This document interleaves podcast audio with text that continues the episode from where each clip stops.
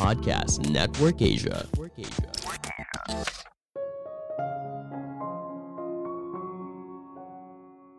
Jangan terlalu banyak bicara, hanya sampaikan argumen yang kuat untuk mempengaruhi orang lain. Halo semuanya, nama saya Michael. Selamat datang di podcast saya, Sikutu Buku. Kali ini saya akan membahas bagaimana cara membuat sebuah argumen yang kuat. Apakah kita bisa meyakinkan seseorang dengan segudang alasan atau hanya memberikan argumen singkat tapi padat? Kebanyakan orang suka salah kaprah, menganggap semakin banyak argumen yang kita sampaikan, maka artinya semakin baik. Padahal, untuk meyakinkan seseorang, kamu tidak butuh segudang alasan. Kamu hanya butuh alasan singkat yang kuat dan padat. Ini merupakan rangkuman dari video TED Talk Niro Sivanathan yang berjudul The Counterintuitive Way to Be More Persuasive dan diolah dari berbagai sumber.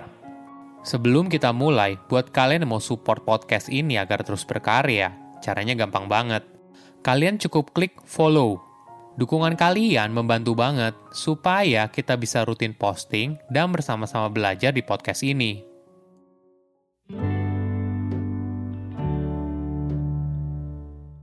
Coba bayangkan kamu sedang pergi belanja dining set. Ternyata, toko favoritmu sedang menjual dining set yang berisi 24 piece dengan harga diskon.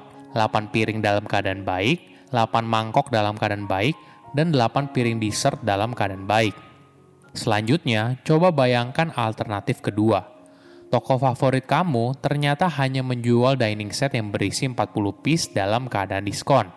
8 piring dalam keadaan baik, 8 mangkok dalam keadaan baik, 8 piring dessert dalam keadaan baik, 8 gelas tapi 2 gelas dalam kondisi pecah, dan 8 piring saus tapi 7 piringnya rusak.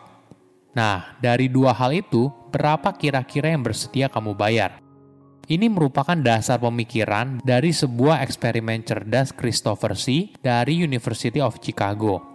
Ketika bicara soal harga dining set dengan 24 piece, rata-rata para responden bersedia membayar sekitar 7,4 juta rupiah. Namun untuk dining set 40 piece dengan beberapa produk yang rusak, mereka hanya bersedia membayar 3,6 juta rupiah. Kenapa para responden membuat keputusan yang irasional? Kenapa mereka hanya bersedia membayar setengah dari harga dining set 24 piece? Padahal, dalam dining set 40 piece, mereka akan mendapat dining set 24 piece lengkap ditambah 6 gelas dan satu piring saus. Ini yang disebut sebagai delusion effect. Barang yang rusak membuat kamu jadi bias terhadap nilai sesungguhnya dari barang tersebut. Jika kamu bisa memahami delusion effect, maka hal ini bisa membantu kamu dalam hidup dan juga karir.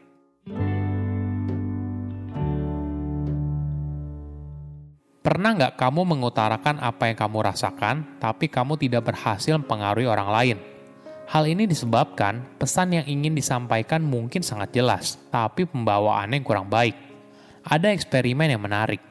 Peneliti memperkenalkan dua orang, Tim dan Tom. Tim belajar rata-rata 4-5 jam dalam sehari di luar dari waktu belajarnya di kelas Sedangkan Tom juga belajar rata-rata 4-5 jam dalam sehari di luar dari waktu belajar di kelas. Dia punya seorang adik laki-laki dan dua adik perempuan.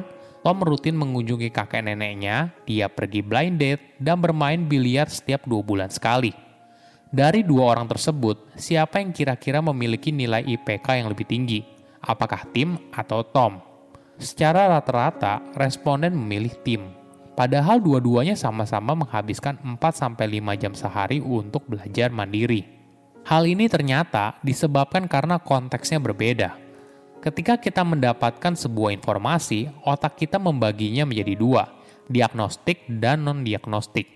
Diagnostic information adalah informasi yang berkaitan dengan sesuatu yang sedang dibahas. Misalnya dari contoh di atas, diagnostic information adalah 4-5 jam sehari yang dihabiskan untuk belajar mandiri.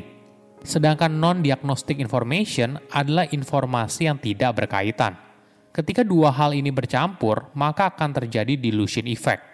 Fakta kalau Tom punya seorang adik laki-laki dan dua adik perempuan atau bermain biliar setiap dua bulan sekali telah mengaburkan informasi yang sesungguhnya kalau Tom juga belajar 4-5 jam sehari.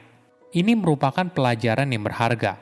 Ketika kamu diminta untuk berbicara, hanya sampaikan fakta dan argumen yang kuat. Jangan terlalu banyak berbicara hingga akhirnya kamu malah punya argumen yang lemah di antara semua argumen yang kuat. Jika ini terjadi, maka argumen kamu malah jadi lemah. Ini merupakan pandangan yang berbeda dari kebanyakan orang. Kita mungkin terbiasa untuk memberikan segudang alasan untuk meyakinkan seseorang, tapi hal ini malah jadi tidak bermanfaat. Ingat, kamu tidak bisa menambah kekuatan argumenmu dari seberapa banyak kalimat yang kamu ucapkan. Kualitas lebih baik daripada kuantitas. Jadi, ketika kamu diminta untuk berbicara, hanya sampaikan fakta dan argumen yang kuat.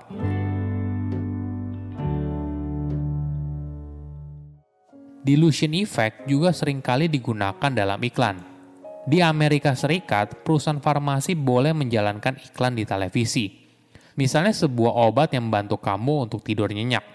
Iklannya mungkin berisi pasangan yang bermain di taman, karena pada malam sebelumnya mereka telah tertidur lelap berkat obat tidur yang mereka minum.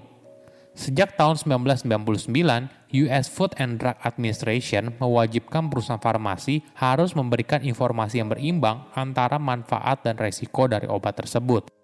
Jadi di bagian akhir iklan ada bagian yang isinya untuk memberitahu konsumen apa efek samping dari obat yang mereka jual. Mungkin kamu dengar ada suara di bagian akhir yang bilang, efek samping termasuk serangan jantung, stroke, bla bla bla, dan berakhir dengan kalimat seperti kaki gatal. Nah, efek samping ringan ini memberikan delusion effect terhadap efek samping yang berat, seperti serangan jantung atau stroke. Coba bayangkan iklan tersebut hanya bilang gini, efek samping termasuk serangan jantung dan stroke. Pasti kamu tidak akan berani menggunakan obat tersebut. Ketika seorang diberikan dua fakta, yaitu efek samping ringan dan berat dari sebuah obat, maka persepsi orang tersebut soal seberapa keras obat tersebut semakin rendah. Iklan tersebut lalu mendorong Niro untuk membuat riset dalam dua tahun. Pada riset tersebut, Niro menunjukkan iklan produk farmasi yang ada di sebuah majalah. Untuk setengah responden, peneliti menunjukkan iklan itu seutuhnya, yang berisi efek samping yang berat dan ringan. Sedangkan untuk setengah responden sisanya, peneliti menghilangkan efek samping ringannya. Menariknya, responden yang melihat iklan dengan utuh, yaitu efek samping ringan dan berat, bersedia membayar lebih mahal daripada responden hanya melihat efek samping yang berat. Kamu tidak butuh segudang alasan untuk meyakinkan seorang cukup beberapa alasan singkat, padat, dan jelas. Saya undur diri, jangan lupa follow podcast Sikutu Buku. Bye-bye. Pandangan dan opini yang disampaikan oleh kreator podcast, host, dan tamu tidak mencerminkan kebijakan resmi dan bagian dari podcast Network Asia. Setiap konten yang disampaikan mereka di dalam podcast adalah opini mereka sendiri dan tidak bermaksud untuk merugikan agama, grup etnik, perkumpulan, organisasi, perusahaan, perorangan, atau siapa pun dan apa pun.